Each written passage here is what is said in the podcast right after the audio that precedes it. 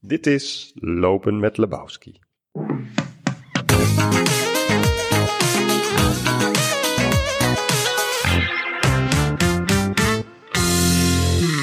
Vrienden en vriendinnen van de literatuur.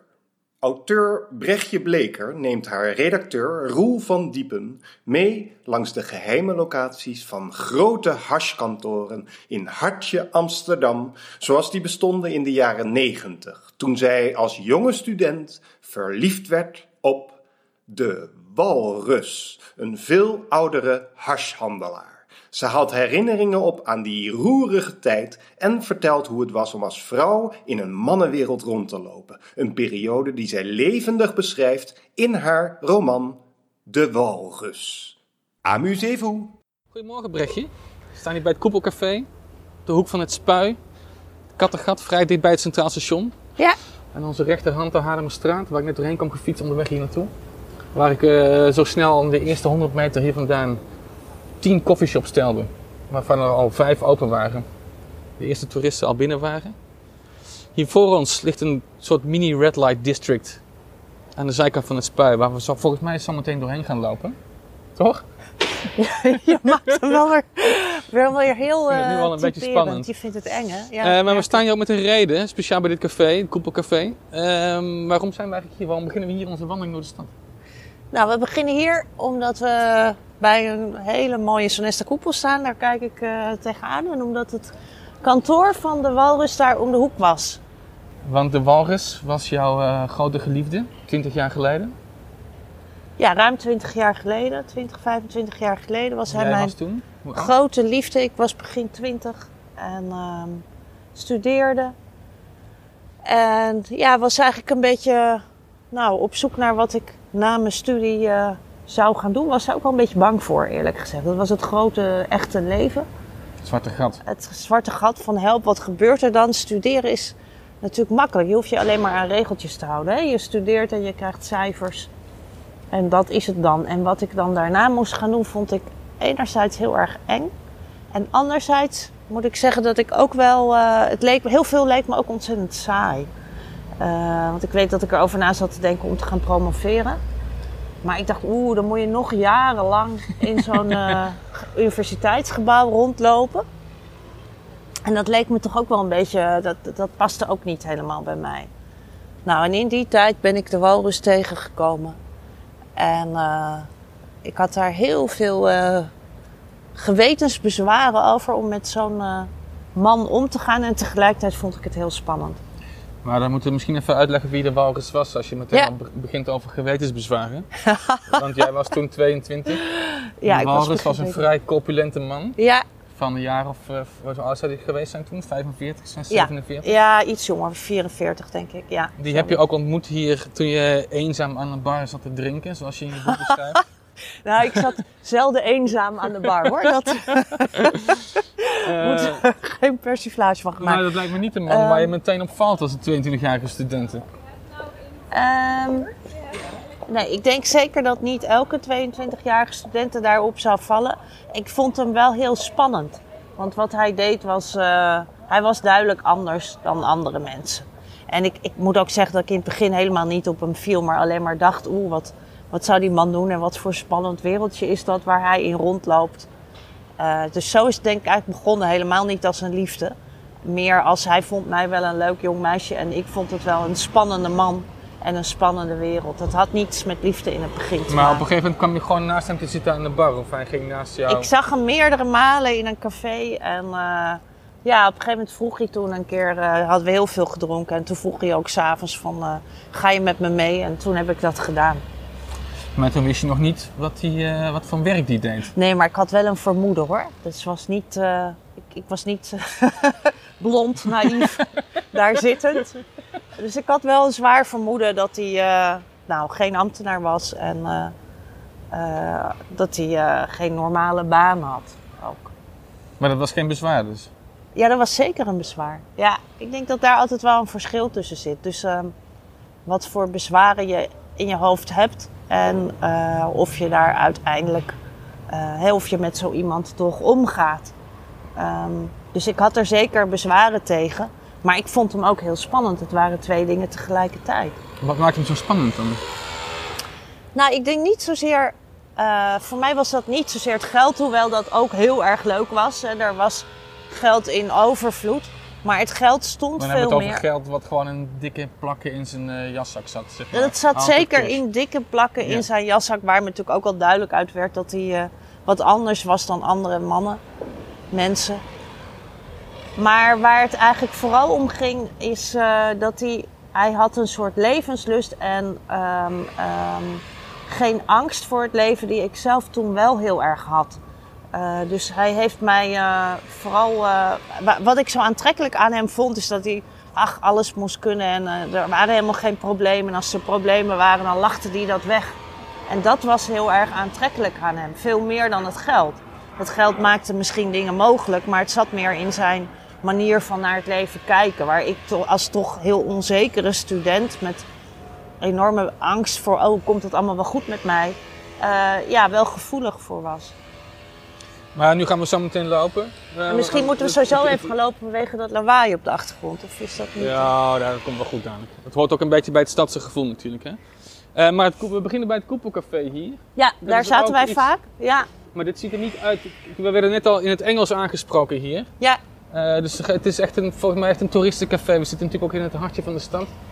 Ehm Was toen was iets dit 20 minder jaar hoor. geleden ook Ja. zo dus?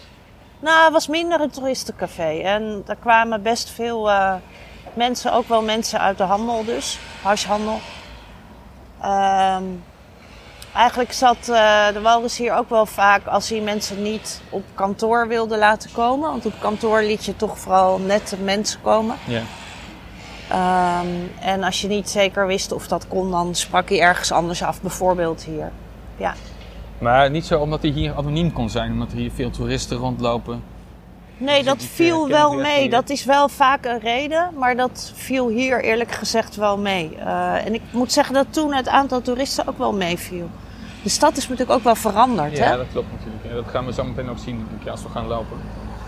Eh, goed, laten we vanaf hier gaan lopen. Je had het net over het kantoor van de Walrus. Ja, wat moet ik me bij een kantoor voorstellen? Want als ik een kantoor zie, zie ik een kantoortuin.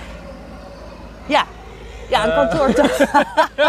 Ik werk Jij denkt in een aan Lebowski, ja. Ik werk, zelf in een kantoortuin natuurlijk, ja, met grote palmbomen erin. Maar ja, als ik zo je boek gelezen heb over de walrus en wat je daarin beschrijft over een kantoor, is het eigenlijk gewoon een lege ruimte met een tafel erin waar grote plakken hash op liggen. Waar af en toe mensen langskomen om daar wat van mee te nemen. En waar verder gewoon een grote koelkast staat, gevuld is met drank, waar de hele dag uit gedronken wordt. Ja, ja en nee. Ik, ik vind dat je hem iets te, te plat schetst. Oh. Zo. Nee, we zijn pas net begonnen. hè? We zijn pas net We begonnen. hebben nog een wandeling van twee uur voor de boeg. Eh, want eh, een hoop kantoren waren toch best heel leuk aangekleed. Eh, dat gold redelijk voor het kantoor van de Walrus en zeker ook voor het kantoor van wat ik in het boek de Walrus Joost noem. Die hadden een enorme verzameling kikkers, vissen, eh, mooie planten was, en kunst aan de muur. Dus het was echt wel Kikkers. bijzonder- Kikkers, ja. Ze hadden eh, terraria met kikkers. Dat vonden zij eh, leuk. dus, Ieder zijn eigen hobby. ja, dus nee, maar dat was echt super mooi aangekleed bij de Walrus. Iets minder, maar het was nog steeds wel zo bepaald sfeervol. Het was niet een lege zaal met een koelkast erin of Nee, zo. nee, nee. En als je het hebt over die plakken hash, dan was het zo dat die eh, meestal niet op tafel lagen, maar in een la.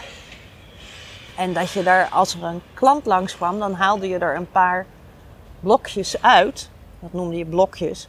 En die ging je bekijken. Maar het, het hele ding in die hashhandel was, even voor de helderheid, het was een heel andere tijd dan nu. Dus zoals de huishandel nu in elkaar zit, dat is, of toen in elkaar zit, dat is nu niet meer. Maar toen was het heel erg, eh, het was een tamelijk gemoedelijke wereld. En een wereld waarin mensen ook vaak en leverancier waren en koper. Dus je was, het, het was allemaal tussenhandel. Dus je was voortdurend blokjes van de een naar de ander aan het schuiven. En zo zat dat systeem van kantoren ook in elkaar. Mensen mochten elkaar daar niet zien. Hè, de mensen die langskwamen, want de klanten waren soms ook weer leverancier. Dus Ja. anders zouden zich dat buiten jou om gaan voltrekken. En dat was eigenlijk eh, waar, die, waar je zo'n kantoor voor had. Dus je had meerdere wachtkamertjes. En daar lagen dan tijdschriften of er stond een tv. En daar zaten zoals bij de mensen gewoon... tandarts eh, eigenlijk. Ja, maar dan heb je meestal één wachtkamer volgens mij bij de tandarts. Ze heeft niet iedereen zijn eigen wachtkamer. Oh, chic. Eh, en hier had iedereen al zijn eigen wachtkamer. En dan kwam er iemand vragen of je wat wilde drinken. En dan zat je daar gewoon met, of met je colaatje of met je biertje, wat je wilde. Ehm, zat je te wachten totdat je aan de tafel kon verschijnen. En aan de tafel werd dan de handel gedaan. En daar, eh, ja, wat heel specifiek daaraan was, was altijd dat de producten hadden vaak de namen van het merkje wat erin zat. Dus je had het niet over zeep. Zeep is een, eh, een, een een Mhm. vrij goedkoop blok hash. Maar je had het over sterretjes, diamanten, kamelen, Renaultjes. En nou, dat was eigenlijk, het gaf ook een enorme verwarring. Of dan de Renaultjes goed waren, of dat het diamantjes was, waren. Dat was eigenlijk gewoon hetzelfde logo, maar dan een kwartslag gedraaid. Waren dan wel diamantjes, dan wel Renaultjes. En daar kon je zeker een half uur over discussiëren. Of die nou beter of, Dat klinkt als of minder goed inderdaad. waren. Ja. ja. Maar laten we even lopen richting Ja. een van de kantoor. We gaan hier eh, het Kattengat door. Het is ook een lekkere grijze woensdagochtend.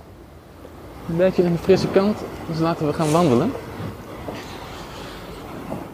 Maar zo'n kantoor had dus gewoon spreekuren ook, begrijp ik. ja, ja, die Dus je kwam op waren... afspraak, konden mensen binnenkomen Nou, lopen. nee, het was niet op afspraak. Dus het was niet dat je een nummertje kreeg en eh, om eh 12 uur 40 eh, moest komen. Maar ze hadden wel openingstijden. We lopen nu eigenlijk van het Son- Sonesta koepel naar de Singel. En dan lopen we zo langs het café, of sorry, het kantoor van de, de Walrus. Ehm, ja, de kantoren hadden verschillende openingstijden, maar de meeste waren open van 1 tot 6. Dus dat waren eigenlijk de tijden dat je langs kon komen. Ja. Sommige waren open van 12 tot 6. Dat, was een beetje, dat waren de wat fanatieke kantoren, die begonnen wat eerder. Nou, en meestal waren gewoon de mensen die er werkten, die zetten alles klaar. En die hadden dan alles al, eh zetten drankjes klaar, hadden alles schoongemaakt. En dat het er netjes en opgeruimd uitzag. En die hadden de blokjes opgehaald in een sta- stash. En gezorgd dat die eh, klaar lagen voor de handel. Dat was eigenlijk wat er gebeurde. Maar ze waren dus ook zeven dagen in de week open. Nee, nee, nee, nee. Ho, vijf dagen. in de Ah, week. Nee. nee, kantoren zijn niet iets voor hele lange dagen of zo. eh. En er werd natuurlijk ook wel wat buiten de kantoren gehandeld. Maar in de kantoren eh, was gewoon... het waren werkdagen. Ik denk dat ze het ook kantoren noemden, omdat ze het wel een beetje zagen als... Nou, iemand die gewoon naar kantoor gaat. Die naar zijn baan gaat. Ja, dan we lopen inmiddels ook hier op de gracht. Ja. En dat zijn toch ook niet de goedkoopste plekken, denk ik? Nee, het waren Dus ook niet... Het, eh, er zaten best een aantal... burger zoals ik, denk je toch dat de hashhandel zich schimmige plekken voordoet dan hier eigenlijk, midden in het centrum van de stad. Ja, nou dat inderdaad twee dingen daarover. Het heeft mij altijd ontzettend verbaasd dat die kantoren op de grachten en rond de grachten zaten. Want het is logistiek heel onhandig. Dat toch ook wel de partijen vaak, de partijenhuis via die kantoren liepen. Dat betekent dat je het helemaal het centrum in moet halen. En vervolgens weer helemaal het centrum uit moet vervoeren. Dus handig is anders. Maar dat was gewoon historisch zo gegroeid. Ehm, en ehm, eh, de andere Maar je, kant heb je is... het over historisch, maar ze hebben natuurlijk ook, kijk, je moet zo'n pandje huren. Ja. Dus dat moet toch ook gewoon op een bepaalde bedrijfsnaam, denk ik. Want ik kan me niet voorstellen dat je hier op de grachtengordel, zelfs 20 jaar geleden, niet cash je huur kon aftikken. Nee, dat werd gewoon op een bedrijfsnaam gedaan. Maar wat wel heel relevant is, is dat het toen in grote mate gedoogd werd. Dus het was echt een heel andere wereld dan het nu is. Tegenwoordig is de, de drugsscene veel, eh, met veel meer geweld omgeven. En de wereld waarin de walrus opereerde was toch echt een tamelijk gemoedelijke wereld. Zonder geweld. En dan vertel ik even de anekdote over eh, het kantoor Joost, waar we inmiddels eh, naartoe lopen. En Joost is dan gewoon de naam van het kantoor. Dus er werkt niet iemand die ook daadwerkelijk Joost heet. Maar Nou, soms wel, soms werkt er iemand die, die Joost heet en dan heet het kantoor naar hem Joost. Maar die heet natuurlijk nooit in het echt Joost. Dus dat is zijn werknaam dan. Maar je kunt ook hebben dat bij Joost Nico en Harry werken. Ja. Die dan ook niet echt Nico en Nee, die heten natuurlijk niet echt Nico en. Het is ingewikkeld, ja. ja. Je hebt daar wel wat tijd voor nodig om daar goed eh, uit te komen. Maar de anekdote over kantoor Joost, dat is het kantoor met eh, de kikkers en eh, Oh ja, en de, terraria. aquaria en de terraria. Dat was erg mooi ingericht. Anekdote daarover. Ik moet even kijken hoe we nou lopen. Ik denk dat we toch zo moeten. Zijn we nu overdwaald? we niet. Ja, we zijn nu overdwaald. Eh de anekdote daarover is dat op een gegeven moment ook de politie daar binnen stapte. En daar heerste in de handel altijd een beetje het gevoel van... nou, die politie die laat ons wel met rust. Die weet waar de kantoren zitten. Daar, ging iedereen vanuit, want dat, dat, ze kenden ook wel weer mensen bij de politie. En iedereen wist gewoon waar die grote kantoren zaten. Maar het idee was, ze laten ons met rust omdat wij eh, eh, gewoon op een nette manier handelen en hash in Nederland ook gewoon gedoogd wordt. Dat was toen, hè? Ja. Praten over toen. Nou, maar op een gegeven moment stonden er agenten voor de deur bij kantoor Joost. Ja, dat was tijdens kantooruren en je kunt niet anders dan ze gewoon binnenlaten. En die agenten die liepen naar het grote bureau waar, eh, even kijken, Pluis en Zwarte Karel eh, achter zaten. Ja, dit, dit is echt, dit is geen grapje. Ehm, en wat deden die agenten in plaats van dat ze daar Pluis en Zwarte Karel arresteren of, of vragen van wat zijn jullie aan het doen, legden ze een foto op het bureau en zeiden ze, kennen jullie deze man? En nou ja, zij kenden allebei die man niet. Maar dat bleek gewoon te gaan op een, om een niet opgeloste moordzaak. Waarvan ze dachten, misschien weten deze mensen hier iets over. Dus wat gebeurde er vervolgens? Nou, ze hadden er even een gesprek over van 10 minuten. Van nou, nee, wij kennen die man niet. We kunnen je verder niet helpen. En de agenten bedankten vriendelijk. En liepen via de, de kikkers en de terraria het pand weer uit. Terwijl de grote plakken hash op tafel Er lagen. lagen inderdaad ook wel wat plakken hash op tafel. En het was in ieder geval aan alles duidelijk dat je hier niet een ICT-kantoor bent. nou ja, dus dat gebeurde ook. En, en, en dat geeft ook wel aan in hoeverre het toen gedoogd werd. En dat de politie inderdaad echt wel wist waar die kantoren zaten. En het gewoon niet gebeurde. Maar ja, goed, je had het net al over dat ze dus ook, dat ze, zoals je ook in je boek beschrijft, is het eigenlijk een heel gezellig clubje mensen eigenlijk. Ja, Die inderdaad geen geweld gebruiken. Terwijl toch, zeker eind jaren 80, begin jaren 90, al wel in het drugsmilieu behoorlijk wat geruchtmakende liquidaties hebben plaatsgevonden volgens mij. Maar die zaten misschien op een andere, in een Ja. andere sector, denk ik ook. Hè? Precies, dat was, het was duidelijk een heel andere wereld. Dat was de wereld van Klaas Bruinsma en van eh, John Mierenmet, dat Ja. soort mensen. Ehm, En en hoe zou je de walrus daar, eh, daar tegenover zetten dan? Nou, dat waren de walrus en de mensen, de andere mensen met die grote kantoren, dat waren mensen die bij uitstek onder het maaiveld wilden blijven. Zo noemden ze dat zelf. En dat hield in, zolang je maar geen geweld gebruikt en op een nette manier handelt. Eh, Hé, hey, staat toerist met een rolkoffertje. Ja, ik hield even in ook. Ehm, zolang je maar op een nette manier handelt en geen geweld gebruikt, ehm, dan, dan is het oké. Dan moet je dus ook zorgen dat je met mensen als Klaas Bruinsma en John Mierenmet niks van doen hebt. Dus je moet en alleen in hash handelen, niet in andere producten. Ja. En het op een nette manier doen. En dat maakt ook dat er over die mensen vrij weinig bekend is. Hè, zij wilden niet in de publiciteit. Ze wilden niet. eh, Nee, ze wilden gewoon hun werk doen eigenlijk. Nou ja, ze wilden gewoon hun handel doen op een manier waarop ze niet in de picture kwamen. En eh, waarop ze dat ook op een redelijk nette manier deden. Ja, dat maakt ook dat er heel weinig bekend is over die mensen. Ja. En dat was voor mij een van de redenen juist om dit boek te willen schrijven.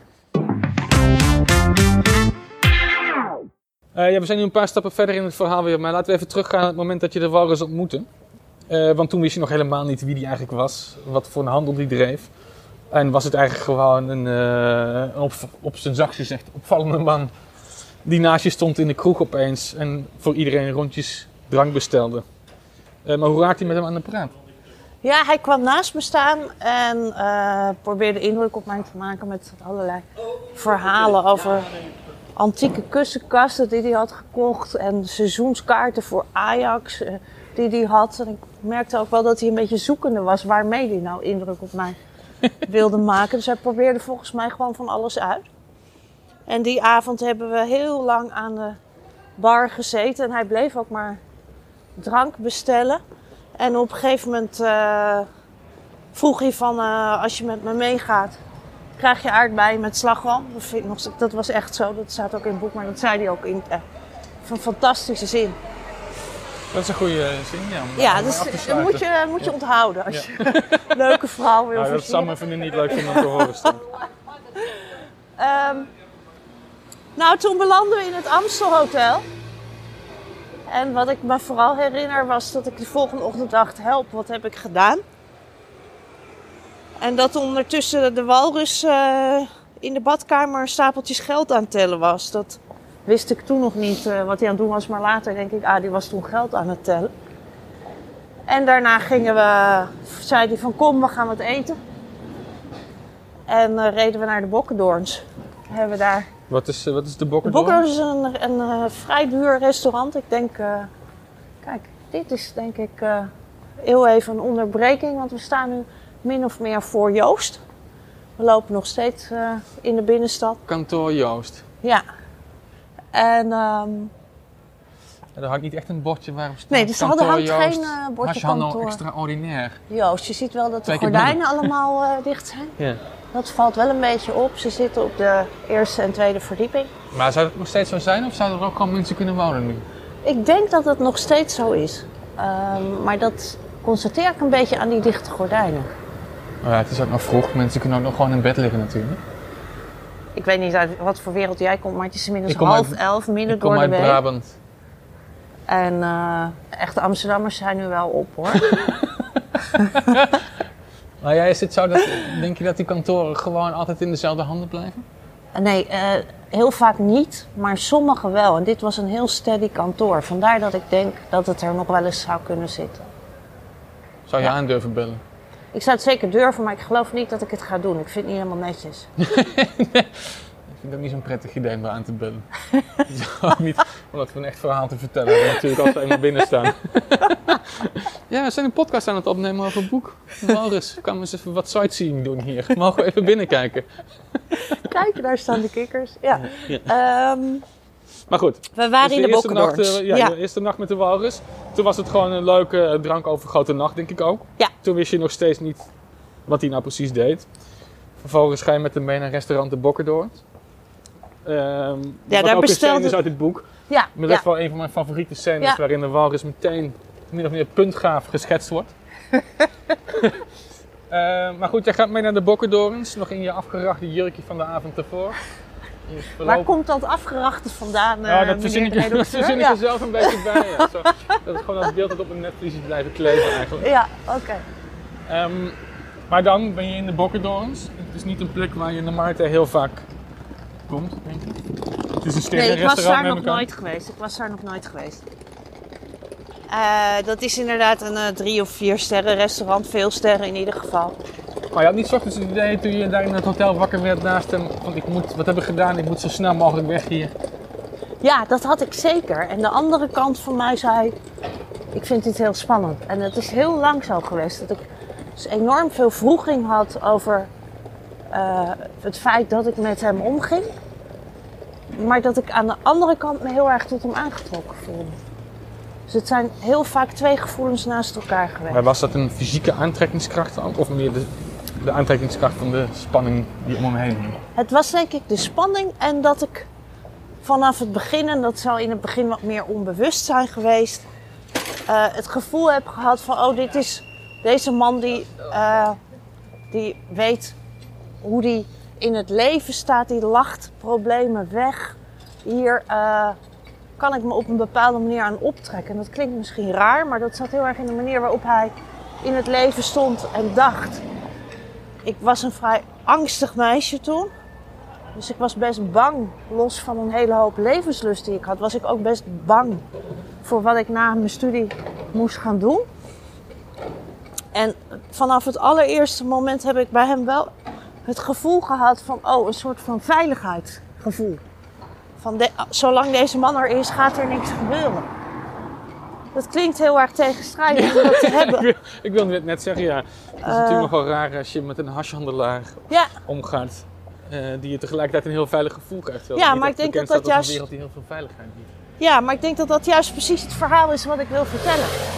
Dat eh, zo'n veilig gevoel misschien niet zo heel veel te maken heeft met ehm, eh, de wereld waar je in loopt of wat iemand doet, maar hoe iemand is als persoon. En hij kon mij dat gevoel wel geven wat ik daarvoor niet had gehad. Eh, dus het gevoel dat hij er voor me was. Dat ik op hem kon leunen als dat nodig was. En vooral dat het leven leuk was en het leven er was om geleefd te worden. Dat je ervan moest genieten. Nou, dat waren allemaal dingen die waren vrij nieuw voor mij. Ja. Maar dat is zeker niet wat je je op dag 1 realiseert. Op dag 1 tot met eh, dag 300 realiseerde ik me vooral van... oh, dit mag ik echt absoluut niet doen. Ja. Dit is fout en dit zijn mensen waar je niet mee om mag gaan. Ja, dus dat was eh, altijd de andere kant eigenlijk daarvan. Maar goed, om weer terug te gaan in het verhaal waar we net waren. Je kwam bij dat restaurant de Bokkerdorens. Ja. Voor een, eh, voor, ja, had je mij het eten gevraagd eigenlijk? Of eigenlijk hij zei meer, laten we een hapje gaan eten. Ja. Eh, eh, en wat gebeurde er toen? Want toen kom je opeens als, als een soort van date binnen met hem daar in het restaurant. Nou, iedereen bleek hem al te kennen, dus hij kwam daar eh, blijkbaar heel vaak. De oberst die groette hem als een stamgast.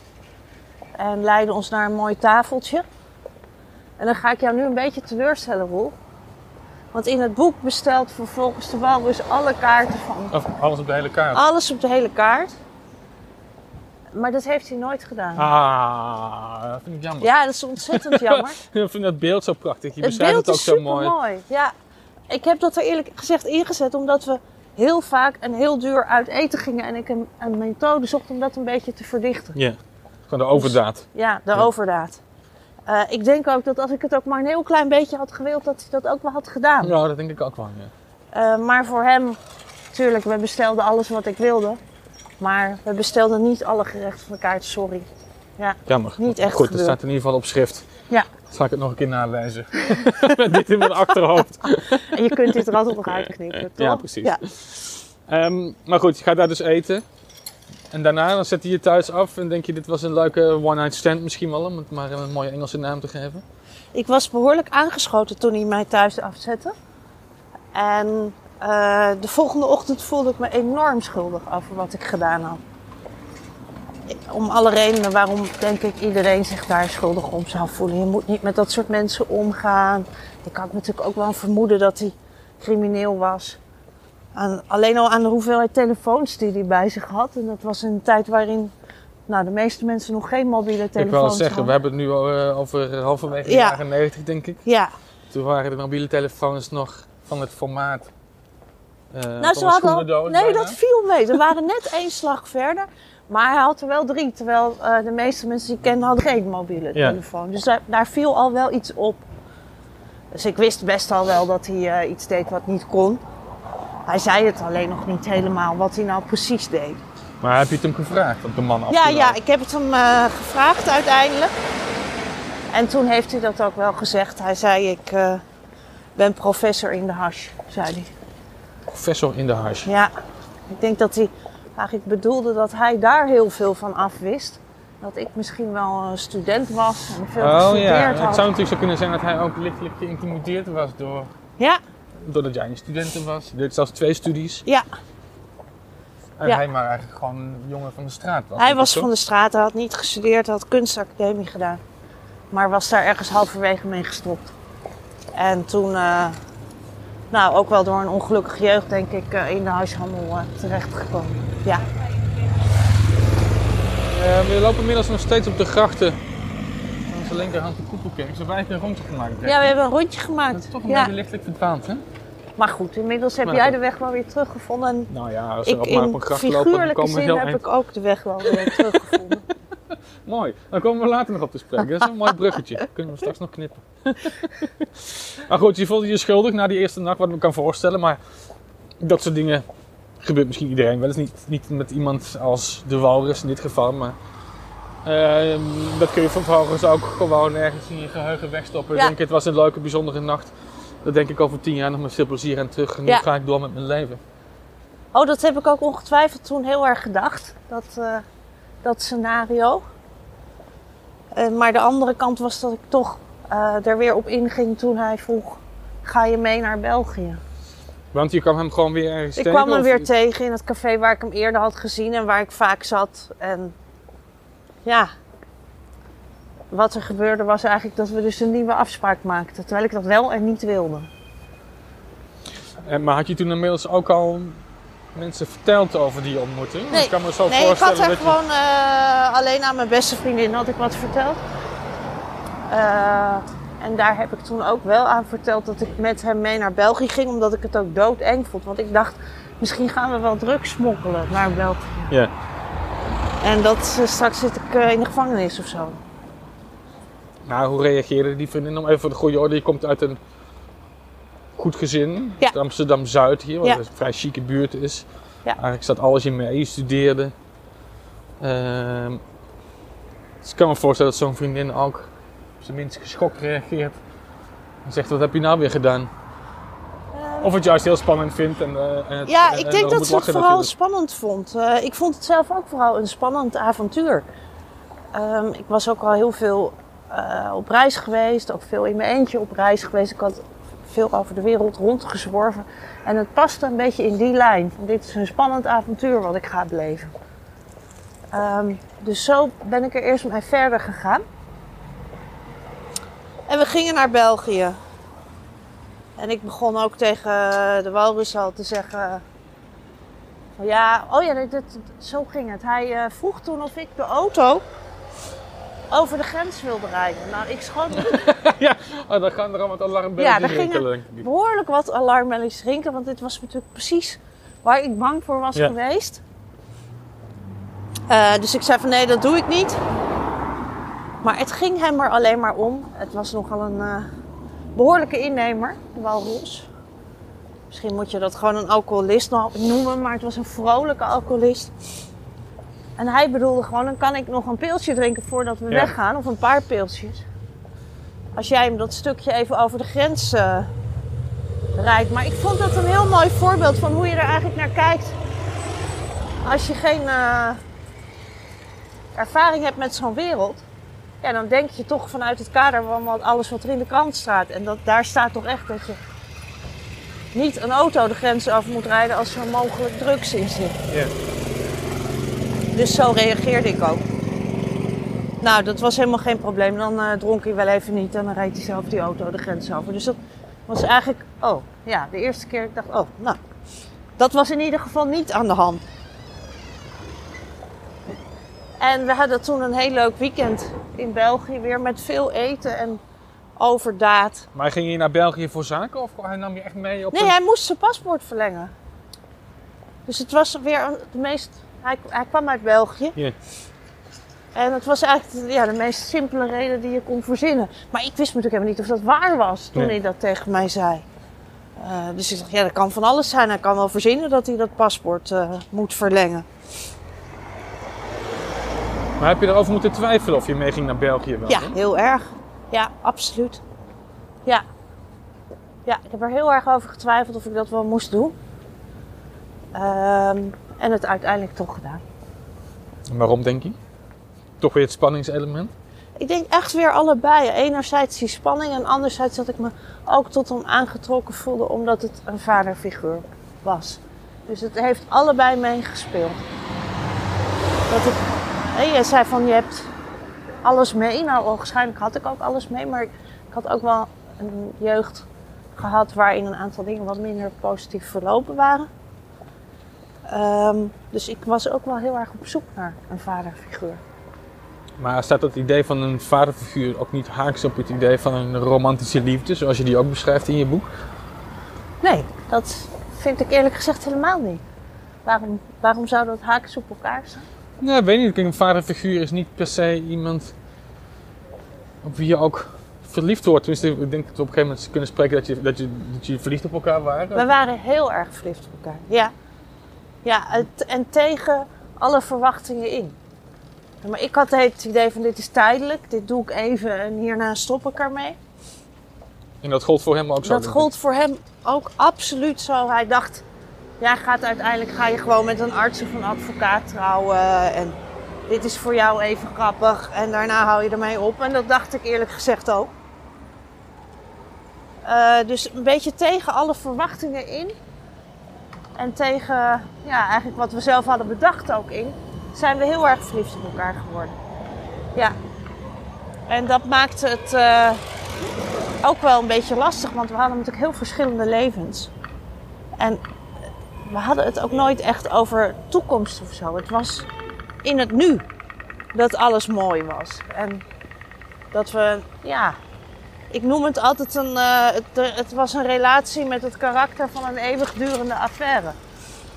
Alsof je niet de serieuze kant van de relatie hebt, maar alleen de, de, de vrolijke kant, het eeuwig verliefd zijn, het altijd hand in hand op een bankje zitten. Dat was eigenlijk waar het uit bestond. Hebben jullie aan elkaar uitgesproken dat, dat, dat jullie van elkaar hielden? Of elkaar eh, op zijn ouderwetse verkering gevraagd bijvoorbeeld? Ja, dat hebben we heel vaak naar elkaar uitgesproken. Ehm, en bijna altijd was dat op de momenten waarop ik dat uitsprak, eh, zei hij van nou, maar misschien moeten we dat toch maar niet doen. En op de momenten waarop hij zei van ja, maar misschien zit er wel toekomst in, vond ik juist weer van nee, maar misschien moeten we het toch maar niet doen. Dus er zat altijd een soort twijfel onder. Ehm, Denk je nu, eh, eh, eh, op een gegeven moment is de walrus overleden. Ja, Denk je dat als dat niet was gebeurd, dat jullie nog steeds bij elkaar waren geweest? Ik, ik weet niet of dat kan. Ik weet wel dat ik er toen heel vaak aan twijfelde. En net op het moment dat ik dacht dit moet wel kunnen, is zijn aftakeling begonnen. Zijn Ja. lichamelijke aftakeling, maar ook zijn zakelijke aftakeling. Ehm, en ik, ik weet nog steeds niet of dat nou op een andere manier had gekund. Ik vond het wel heel mooi om erin te geloven. Eh, dat het kon, eeuwig in het nieuwe leven Ja. en zonder een toekomstbeeld. Eh, dus misschien moet, je, moet die vraag ook helemaal niet beantwoord worden. Het- ik stel de vraag ook meer omdat het. eh, niet iedereen in zijn leven gegund is om zo'n soort liefde te krijgen, denk ik. Of tegen te komen.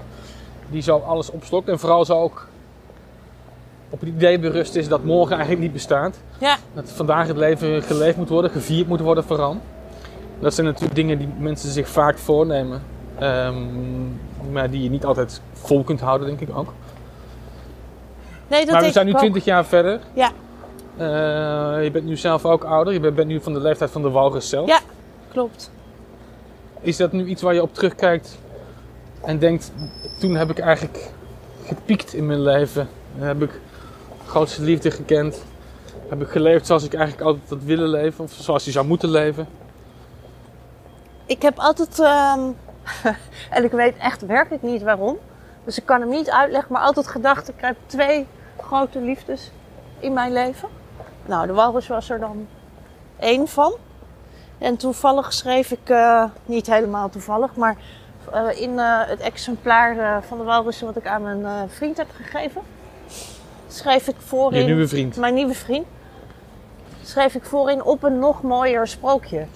Ehm, dus ik denk zeker dat het nog een keer kan. Op een heel andere manier. Ja. Ik denk alleen dat je van tevoren nooit kunt bedenken hoe iets gaat. Je kunt bedenken dat iets een heel intense liefde is. Of je kunt dat willen. Maar je kunt er heel weinig gaan sturen. Niets aan sturen. En ehm, je kunt zeker niet kopiëren wat er eerder gebeurd is.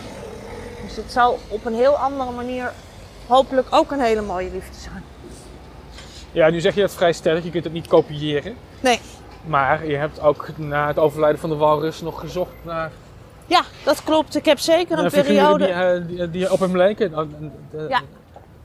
In de tijd dat ik zijn, zijn dood aan het verwerken was, ging ik juist heel erg op zoek naar een, eh een nepwalrus. Zoals ik dat eh, nu maar moet noemen. Dus wat ik er inderdaad nu over zeg is, nu ik alles verwerkt heb en nu ik er op, terug kan kijken. Maar in de periode net na zijn dood heb ik ontzettend gezocht naar een nieuwe walrus. Naar iemand die hem kon vervangen. Maar waar, waar, waar zou je beginnen met iemand te zoeken die op de walrus lijkt? Die kom je waarschijnlijk niet tegen bij de Albert Heijn als je een zakje appels in staat te pakken. Nee, ik, dat, dat denk ik ook. Dus ik zocht hem ook overal. Ehm, en dat heeft wel eh, nou ja, tot mooie en bijzondere ontmoetingen geleid, maar absoluut niet tot een, eh, een nieuwe walrus. Ik denk dat dat de conclusie is. Zo'n liefde heb je ook. Zoals met de walrus heb je maar één keer. Maar als je het dan hebt over mensen die vergelijkbaar zijn met de walrus. Ja. Hoe zou je de walrus als man of persoon omschrijven dan? Want hij is natuurlijk, hij is in het boek nadrukkelijk een hashhandelaar en in het echt ook geweest natuurlijk. Maar dat maakt hem niet per definitie de walrus natuurlijk. Nee, absoluut niet. Ik denk juist dat dat ehm, eigenlijk helemaal hem niet de walrus maakt. Ehm, hij had ook eh, een heel ander, had een eigen bedrijf kunnen houden. Hij had, eh, nou ja, misschien ook wel gewoon eh, bij, bij de gemeente kunnen werken. Het was een uniek persoon, de walrus. En daar gaat het verhaal over.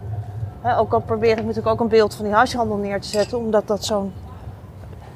omdat ik daar iets meemaakte waar ik nog nooit over had gelezen. Ja, Maar als ik de walrus verder beschrijf, dan was het een levensgenieter.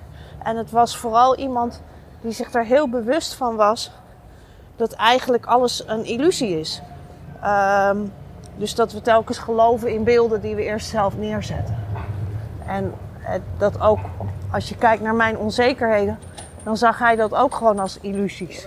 Als iets waar ik toen in geloofde, maar dat als hij mij, maar wijs maakte dat het anders was, dan hield dat geloof ook op. ja, het is gewoon iets wat je jezelf voorgehouden hebt. Ja.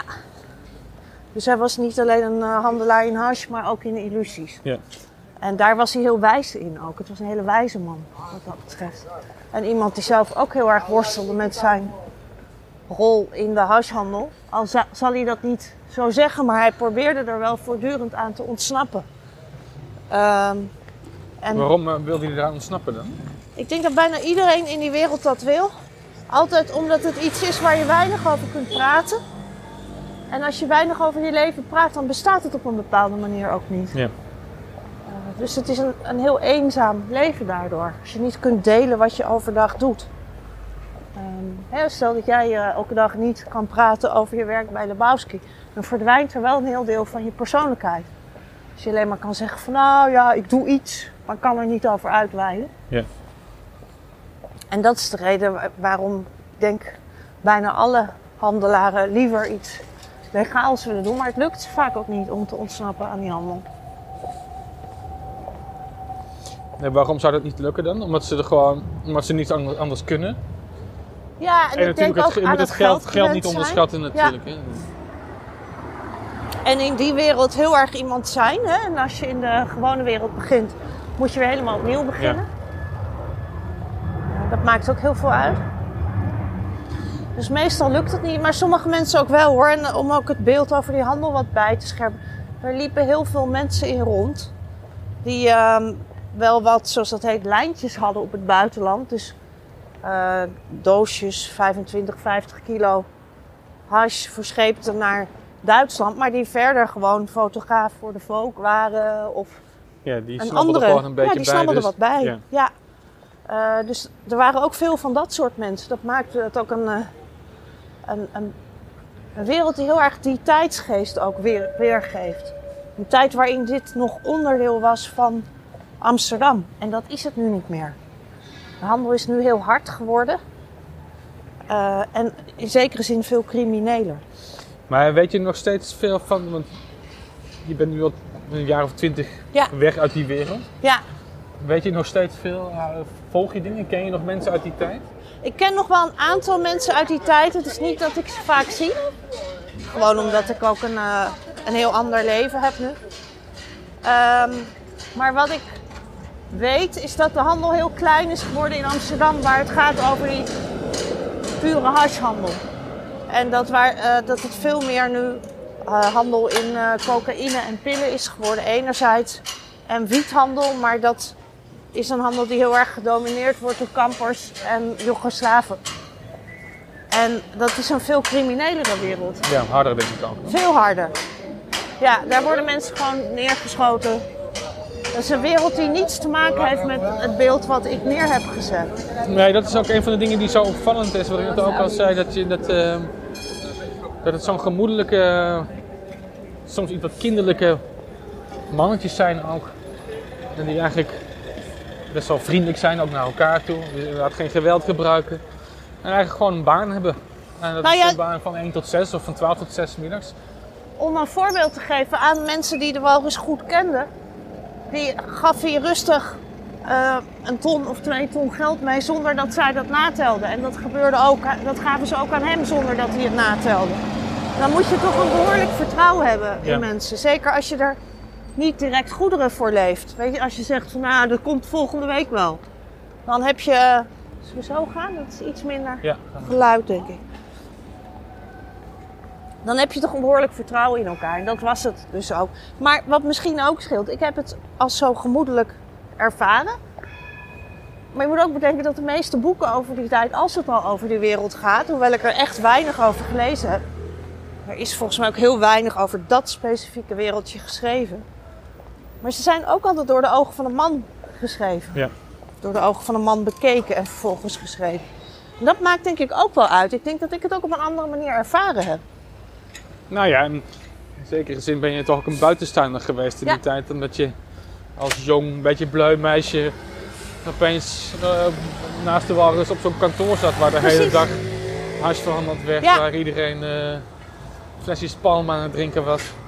Ik kon daar onbeperkt een soort van onderzoek doen. In het begin zag ik dat soms ook nog wel. Zag ik het als een soort onderzoeksproject. Van hoe die wereld in elkaar zat. En nou ja, ik zat daar gewoon en eh, het voltrok zich voor mijn ogen. En niemand vond het raar dat ik daar was. Terwijl als, als ik een man was geweest, hadden ze dat heel anders gevonden. En Ja. als ik dacht, wat doet hij dan in de handel? Want het is een pure mannenwereld. Maar waarom vond niemand het raar dat je daar was dan, denk je? Oh, omdat de walrus gewoon zei, eh, zij is Bibi en Ja. zij zit hier. Dus ik had die, altijd natuurlijk die, eh, die dekking van hem eigenlijk. Heb je jezelf dan wel eens een gangsterliefje gevoeld als je daar naast hem zat? Nee, dat woord is heel vaak opgedoken nadat de walrus uitkwam. Maar in die tijd heb ik dat nooit zo gevoeld. Dat was ook, beschrijft in mijn beleving helemaal niet dat wereldje. Gangster heeft een hele harde... eh, Connotatie. annota- Ja. ja. hele harde associatie. Ehm, ik stel me daar ook een beeld bij voor van eh, met pistolen zwaaiende mannen. Nou, dat was helemaal niet zo. Ehm, dus nee, zo heb ik me nooit gevoeld. Eh, we lopen inmiddels eh, halverwege de Leidse straat, denk ik. We gaan hier rechts spiegelkwartier in, Richting Zuid, zeker? richting Zuid, ja, waar je opgegroeid bent. Ja, Ehm, om even dat haakje te maken dan ja hoor, meteen. ja hoor. Je hebt net al een paar keer gezegd dat je op zoek was naar een vaderfiguur. Dat je eh, nog wat dingetjes waren in je jeugd. eh, die ervoor gezorgd hebben dat je wat onzeker in het leven stond. Zeker toen je net ging studeren, begin, Ja. toen je begin twintig was. Ja. Ehm, wat, is dat, wat is dat vaderfiguur aspect waar je naar op zoek bent? Ik weet niet of je echt naar op zoek bent geweest, maar dat heb je op een of andere manier gevonden in de Walkers. Ja, M- Maar wat, eh, hoe vertaalt zich dat naar je, je thuis, je jeugd, opgegroeid? ja ik heb ehm, eh, aan de ene kant denk ik een hele fijne jeugd gehad. Ehm, met ouders die heel veel mogelijk hebben gemaakt voor mij. Eh, er was absoluut, nou we zijn gewoon prettig welgesteld. We zijn mijn zus en ik eh, opgevoed. En eh, naar mooie scholen geweest. Eerst naar Montessori school en toen naar het Ignatius Gymnasium. Ehm, er was heel veel mogelijk, maar de andere kant was wel dat mijn ouders eh, extreem hoge verwachtingen hadden van hun kinderen. Ehm, dus de, ik, ik herinner me dat toen ik een 7 had voor Grieks werd ik op bijles gezet. Dat was eigenlijk te weinig, een 7. En eh, je moest alleen maar 9's en 10 halen. En er, ook op andere vlakken was het zo dat als wij niet aan alle verwachtingen voldeden, dan. eh, het gaf mij in ieder geval het gevoel dat ik eh, het niet zou maken in het leven. Ja. Dus ik, ook toen ik twee studies zou doen, had ik het idee van dat is veel te weinig. Daar, daar ga ik het niet mee redden. Mijn zus deed, deed drie studies cum laude. En eh, en je zus is ouder? mijn zus is anderhalf jaar ouder. Ja. Zij is daarna ook cum laude gepromoveerd en toen heel jong hoogleraar geworden. En mijn moeder was hoogleraar. Eh, en ik heb heel erg gevoeld van, oh, als ik, dit ga ik gewoon nooit redden. Ik, ik ben degene die de zevens haalt en daar red je het niet mee in dit leven. Dus daar kwam wel heel veel angst vandaan. En daar kwamen nog een paar dingen bij. Ehm, we waren ook, ik denk omdat we zo perfect moesten zijn. Hè? Omdat mijn ouders gewoon, zijn zelf heel arm opgegroeid. Hebben hard gewerkt. En hebben nou ja, ik denk daarom altijd het beeld gehad van je redt het alleen maar in het leven als je 100% je best doet. Een camion futurist. En toen is mijn moeder ook, en dat speelde in dezelfde tijd als de walrus, eh, een ander boek over geschreven, Eva. Eh, mijn moeder is in die tijd eh, op jonge leeftijd dement geworden. Dus zij was net hoogleraar toen ze dementie kreeg. Hoe oud was ze toen? Toen was ze 50. En daar zijn we, nou, ze had een vorm van jonge dementie met Parkinson. En wij waren een gezin waar, waarin je ook niet ziek mocht zijn, want ziek was ook niet perfect. Nee. Dan voldeed je ook niet. Om je een voorbeeld te geven, toen ik, ik heb jarenlang bulimia gehad. Zo erg dat ik er een hele hoop tanden door verloren ben. Maar daar werd niet over gepraat. Eh, dat bestond gewoon niet. Ja. Dus alles wat niet 100% perfect was, dat bestond thuis niet. En in die situatie werd mijn moeder ziek, vonden we het daarom ook heel lastig om mee om te gaan. Want de, de vrouw die altijd het, de perfectie zelf was geweest, eh, ja, die Begon opeens imperfect te worden. En imperfect. Nou, en dat heeft enerzijds tussen mij en mijn moeder de relatie verbeterd. Ik heb in die tijd een veel betere band met haar gekregen. En de andere kant is inderdaad dat ik eh, zelf heel angstig nog in het leven stond. En ja, dat heeft vast er zeker toe bijgedragen dat ik me aangetrokken voelde door zo iemand als de walvis. Eh, maar Brechtje, hebben je ouders eigenlijk de walrus eh, ooit ontmoet nog? Of weten ze, wisten ze van zijn bestaan af? Ja, ja, ze wisten zeker eh, van zijn bestaan af en ze hebben hem ook eh, allebei wel ontmoet. Eh, Je Maar- moeder ook nog in de tijd dat het dus ja, mijn moeder ook. ging. En ik moet zeggen dat Laten we even oversteken hier, anders lopen we Ja, dit wordt een beetje druk hier. De basis was eigenlijk dat ze, nou ja, net als over de bulimia en over de ziekte van mijn moeder, ook hier, ze wisten het wel, maar we hadden het er niet over. Ze moeten hebben geweten dat hij geen student was, zeg maar. Maar kwam die Ehm. bij jou, bij je ouderlijk huis over de vloer om een gezellig een kopje thee en een, te drinken en een kaakje Nou, te of eten? zij kwamen bij mij over de vloer en dan was hij er. Dus ze hebben hem wel een paar keer gezien. Eh, maar mijn moeder heeft hem vooral gezien eigenlijk. Mijn moeder zat toen al eh, in een verpleeghuis. En eh, zij was heel dol op de walrus. Ze vond het een hele aardige man. Zij was al wel licht dementerend toen, maar herkende gewoon nog iedereen hoor. Dus Ja. ik was, ze kon ook gewoon nog praten. En ik herinner me vooral, dat staat ook in het boek, dat we een keer ehm, met z'n drieën naar het Rijksmuseum zijn geweest. Dus de Walrus en ik gingen haar ophalen in het verpleeghuis. En samen met de rolstoel eh, in de cabrio naar het eh, Rijksmuseum. En wat, wat Hoe ging de walrus daarmee om? Oh, hij ging fantastisch met haar om. Hij Ja. was alleen maar eh, beleefd en lief en kon helemaal meegaan in haar wereld. Ik denk omdat hij zo, zo'n handelaar in illusies was, wist hij ook heel goed van dit is voor deze mevrouw belangrijk. Ik Ja. moet hier eh, aandacht aan besteden. Ik moet gewoon met haar meegaan, ook in haar behoefte aan kinderliedjes. En hij vond het voor jou misschien ook En hij belangrijk, vond het voor mij heel belangrijk. En toen waren we bij het Rijksmuseum. En ik weet nog dat we daardoor al die, die zalen liepen. En mijn moeder die schoffelde zo'n beetje heen en weer. Maar eigenlijk keek ze gewoon helemaal niet meer goed naar die schilderijen. Maar vond ze het gewoon leuk om er te zijn.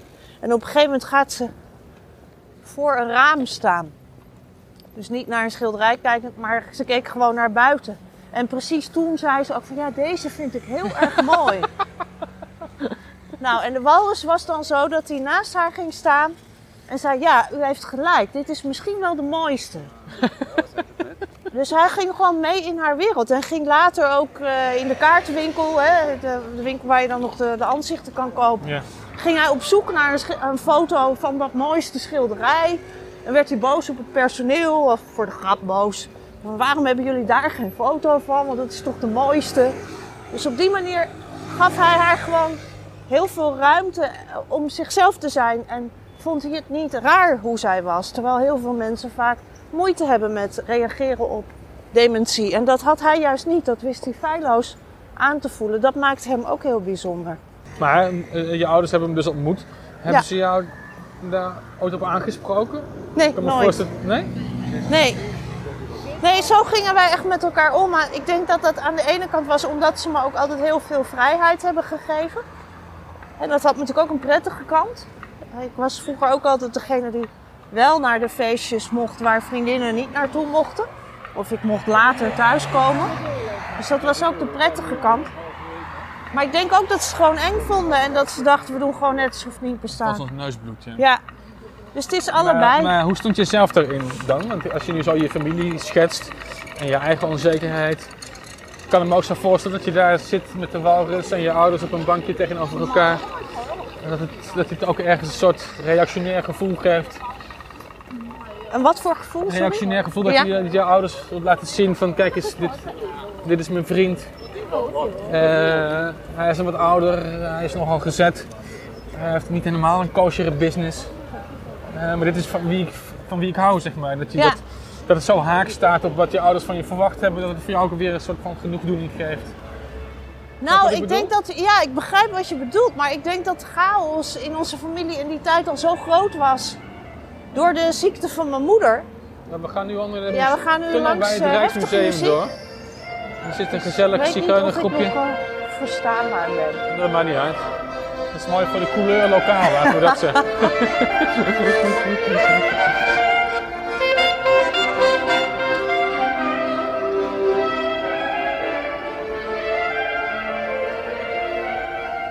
Ja, dus ik herinner me dat meer als een soort chaotische periode dan als een periode waarin ik ging bekrachtigen van dit is mijn vriend richting ouders. Maar de walrus was daar ook niet ongemakkelijk bij dan je ouders te ontmoeten. Terwijl het gewoon maar een vrij zelfbewust persoon lijkt. Hij, weet, hij wist ook van zichzelf dat hij aan de rafelrandjes van de samenleving opereerde met zijn hashhandel. Eh, niet het meest afgetrainde postuur had. Nee, in allerlei opzichten echt niet de ideale schoonzoon zou zijn. nee. Hij was daar Maar wel zenuwachtig over. ja, hij was daar zeker zenuwachtig over. Ja, hij wilde dat wel heel graag goed doen. Ja, dus Ja. Hoe, eh, hoe, eh, hoe uitte zich dat? Die er Nou- thee bijzet, eh, vragen of iedereen goed zat. Hij, wat voor hem al heel erg wat was, was dat hij dan niet dronk. Dus dat hij geen alcohol dronk. En dat hij inderdaad cadeautjes voor ze kocht. Voor mijn moeder heeft hij ook nog een keer een hele champagnefontein voor de verjaardag Die hij vervolgens zelf leeg gedronken Nee, nee, Oh. helemaal niet. Nee, nee, daar heeft hij geen druppel van gedronken. Nee, dat was puur omdat zij dat zo leuk vond. Dat had ze een keer gezegd. En dus hij probeerde het er wel op allerlei manieren naar de zin te maken. Ja. Ja.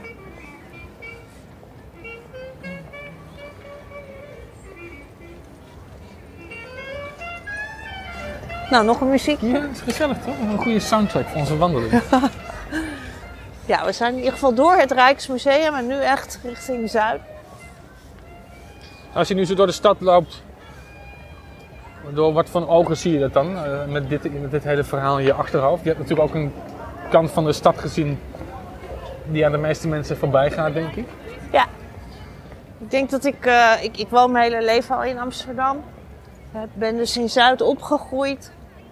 Eh, nou, vrij snel op kamers gegaan. Dat was eerst in West, toen weer even in Zuid, toen weer in West. En ik werk nu eh, al een tijd in Noord. Ik denk dat... Want Het je voelt- werkt nu bij de gemeente, ja, hè? ik werk bij de gemeente. Toen Ja. je dat voor het eerst vertelde, Ja. moest ik daar toch wel echt heel erg hard om lachen. Want dat had ik net voor het eerst de allereerste versie van de Walrus gele- gelezen, die tien jaar geleden uit is gekomen. Waarvan ik al wist dat het grotendeels op een waar verhaal gebaseerd is.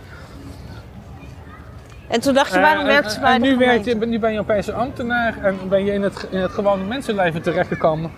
Ja, ik ben al, inmiddels zelfs al elf jaar ambtenaar. En ik vind eerlijk gezegd dat ik de allermooiste baan heb die er is. Eh, ik ben gebiedsmanager van Oud-Noord nu, een heel mooi stuk. Net de eioevers en het stuk daarboven. En ik vind het fantastisch om voor de gemeente te werken. Ik denk ook dat, kijk, er is nu natuurlijk heel veel aandacht voor, voor de walrus. En daar ben ik ook heel blij mee.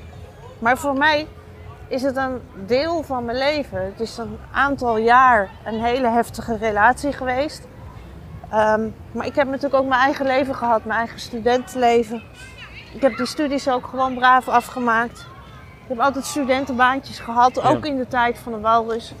Dus het is ook weer maar een deel van mijn leven. Ik denk dat Amsterdam is meer mijn leven dan de walrus. Ik heb altijd in Amsterdam gewoond en inderdaad heel veel verschillende wereldjes hier gezien. Maar kijk, de gemeente, ambtenarij staat niet bekend om, eh, meest spannende baan die er is. Nou ja, dat... Terwijl je dat uit een wereld komt in die tijd, in de jaren 90, die zoals je zelf omschrijft ook veel spanning in zich had. Het was ook voor jou een nieuwe wereld natuurlijk. Ja. Heb je ervoor gekozen echt om, om, om eh, in het gewone mensenleven quote-unquote terecht te komen? ja, absoluut. Ehm, en ik heb ook eh, bestuurskunde Gaan we gestudeerd. stiekem over dus... het gras lopen op het museum? Nou, een beetje aan de Dan regeltjes kan je niet als ambtenaar, hè? Nee. je dat weer. Laten we in ieder geval het goede voorbeeld geven. ja. Precies. Ehm, nee, ik heb daar heel bewust voor gekozen. Ehm, dus het sloot ook wel aan op mijn studies. Maar ik vond het, vind het ook absoluut heel mooi werk. Om voor de stad te werken. En eh, voor heel verschillende groepen mensen proberen de stad zo goed mogelijk in te richten. Dat vind ik fantastisch. En ja, daar heb ik bewust voor gekozen. De Walrus is eerder een, een uitstapje geweest in mijn leven. In de Ja. tijd dat ik ook nog heel erg op zoek was naar spanning. Hè, uit die onzekerheid en, en levenslust tegelijkertijd.